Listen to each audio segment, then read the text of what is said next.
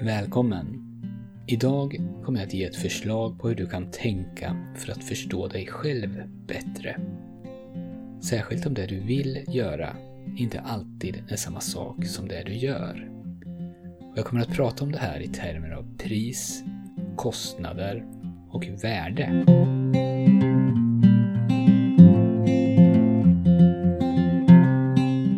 Lyssnar på Monkey Mindset, en podcast av mig, Daniel Sjöstedt och jag är mental tränare. Och varje vecka så försöker jag att presentera en tanke eller ett koncept som kan göra ditt liv lite lättare. Det är i alla fall mitt mål.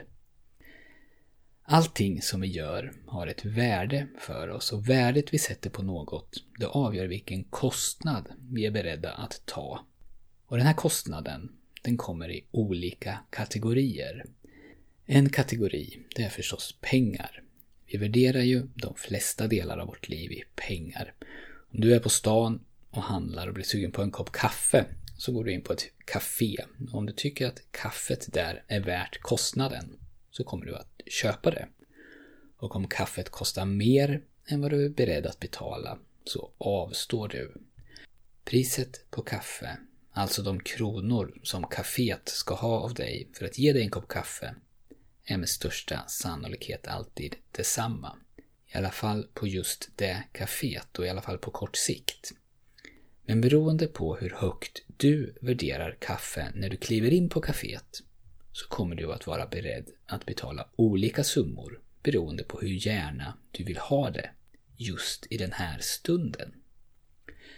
Det finns säkert situationer där du är beredd att betala väldigt mycket för en kopp kaffe och det finns situationer där du knappt ens skulle ta emot en kopp gratis. Om du till exempel ska träffa en gammal vän som du inte har sett på jättelänge och det enda stället den här vännen kunde träffas på var av någon anledning just det här kaféet. Då skulle kanske den här situationen vara så speciell att du betalade ett pris för kaffet som du aldrig skulle ha gjort i vanliga fall. Ni har inte setts på tio år och kommer efter den här träffen inte ses på ytterligare tio år. Att få sitta ner med din vän och ta en kopp kaffe, det är i den här situationen värt väldigt mycket. Och du tänker inte låta några hundra kronor komma i vägen. Och det kan ju också bero på kaffets smak, eller kaféets status, eller läge, eller någonting annat. Och om pengar är en kategori som du kan betala den här kostnaden med, så finns det massor av andra. Tid kan vara en. Och i det här exemplet kan ju smaken på kaffet som sagt vara en annan. Och väldigt ofta så väger vi de här kategorierna mot varandra. Du och jag är kaffesugna och bestämmer oss för att köpa varsin pappmugg att ta med. Ska vi gå in på Café A, där kaffet är gott och billigt? Eller ska vi gå in på Café B, där kaffet är lite dyrare och inte lika gott, men där köerna är obefintliga? På Café A skulle vi behöva vänta i kö 10 minuter för att få våra muggar, men på Café B får vi kaffet direkt. Så frågan blir då hur mycket vi värderar de olika kategorierna. Om pengar och smak är viktiga i det här fallet, då väntar vi i kö. Men om tid är viktigare så köper vi kaffet där vi får det direkt.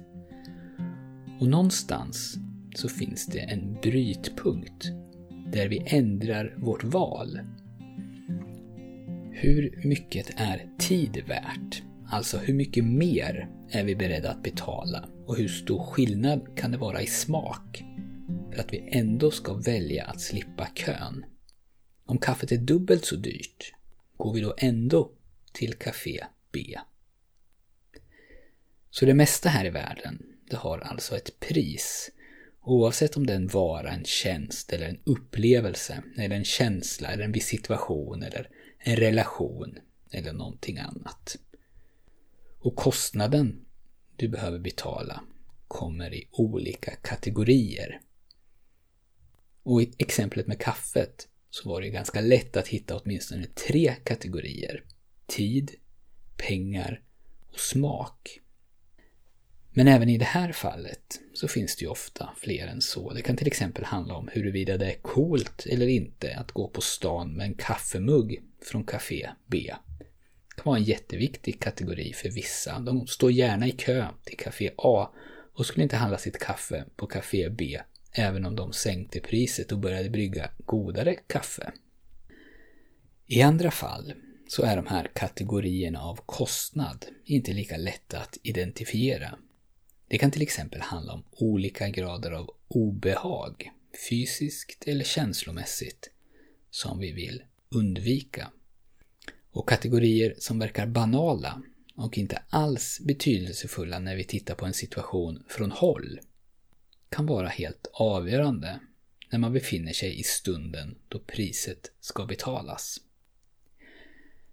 Jag pratade i ett tidigare avsnitt om hur lätt det är att göra planer när man är torr, mätt och varm. Då känns gärna kostnaden låg och vissa kostnadskategorier verkar väldigt obetydliga. Låt säga att du har skjutit upp pluggandet till dagen för tentan. Men trots att du har tenta imorgon så vill du nu vara med dina kompisar idag. Så klockan 11 på förmiddagen så gör du upp en plan. Du räknar med att fyra timmar räcker och tänker att om du pluggar mellan 11 på kvällen och 3 på morgonen så får du dina fyra timmars plugg. Och när planen görs, så känns det här fullt realistiskt. Inte så kul och du är kanske lite irriterad på dig själv för att du har skjutit upp det här så länge.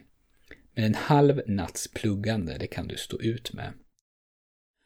Och kostnaden känns inte så hög. Den enda kostnadskategorin du kan se, det är tid. Och möjligen trötthet.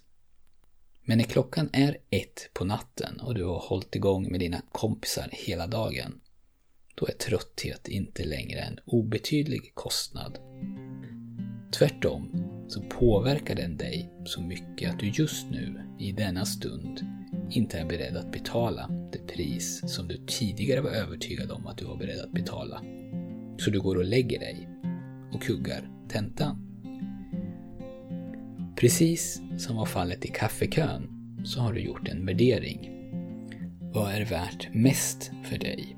Sömn eller att få ett bra resultat på tentan? Och du valde sömn. Om någonting annat hade legat i den andra vågskålen, om ett bra resultat på tentan även hade gett dig en miljon kronor, så hade du sannolikt hållit dig vaken och fokuserad. Och om ett bra resultat på tentan hade gett dig någonting annat som du värderade högt, kanske något så simpelt som att få en beundrande blick från den där tjejen som du är intresserad av, så kanske du också hade hållit dig vaken och fokuserad. Så din värdering av någonting, det bestämmer alltså om du är beredd att betala priset som det kostar. Och din värdering, den behöver inte alltid vara helt rationell. Och det enda som betyder någonting i det här sammanhanget, det är din värdering i ögonblicket som priset ska betalas. Är du i den stunden beredd att betala kostnaden. Och det här är jätteviktigt, det är helt avgörande. Och det är det som gör att så många av oss upplever att vi misslyckas när vi försöker uppnå saker eller vill skapa förändring. Och att vi inte förstår varför.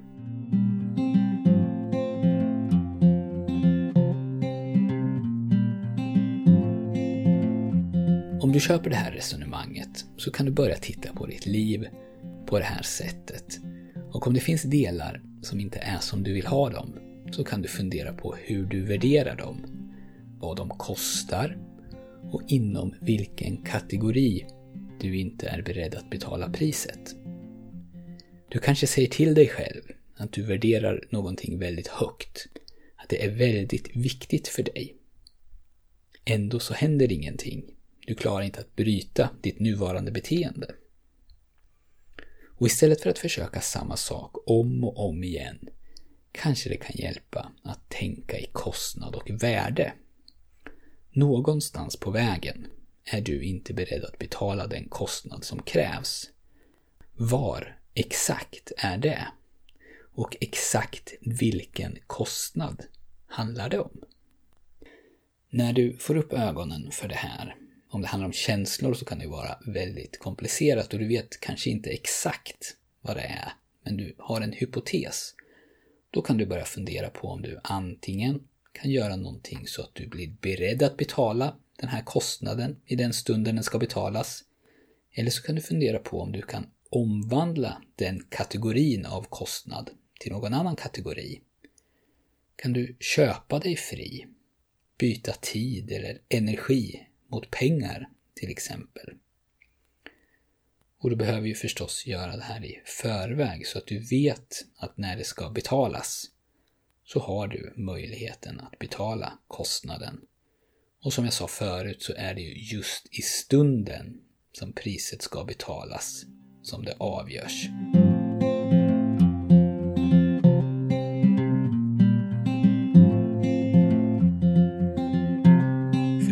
I stunden som det ska betalas som dina verkliga prioriteringar visar sig.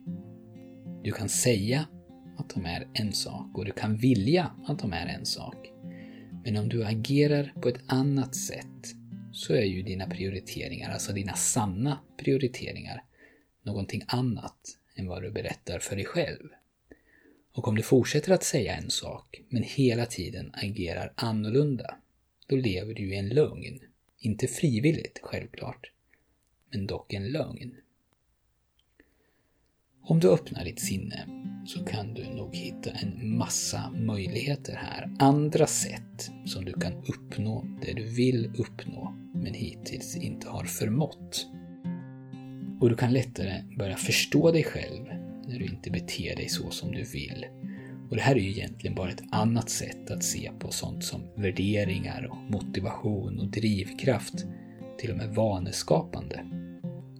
Det är ett sätt att tydliggöra inför sig själv och ju tydligare man blir, desto lättare har man att förstå.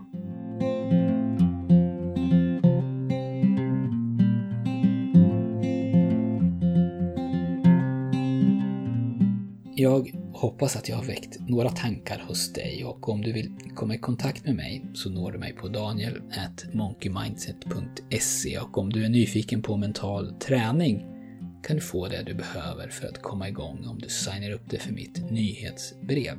Du gör det på www.monkeymindset.se och då får du fyra ljudfiler. De fyra ljudfiler som ingår i min app som heter just mental träning med tillhörande instruktioner. De fyra ljudfilerna heter Slappna av, Gå djupare, Självkänsla och Målbilder. Och den som känner sig manad får väldigt gärna ge den här podcasten en recension på iTunes. Det hjälper mig mycket och jag uppskattar det verkligen. Det var allt för den här gången. Tack för att du har lyssnat och vi hörs snart igen.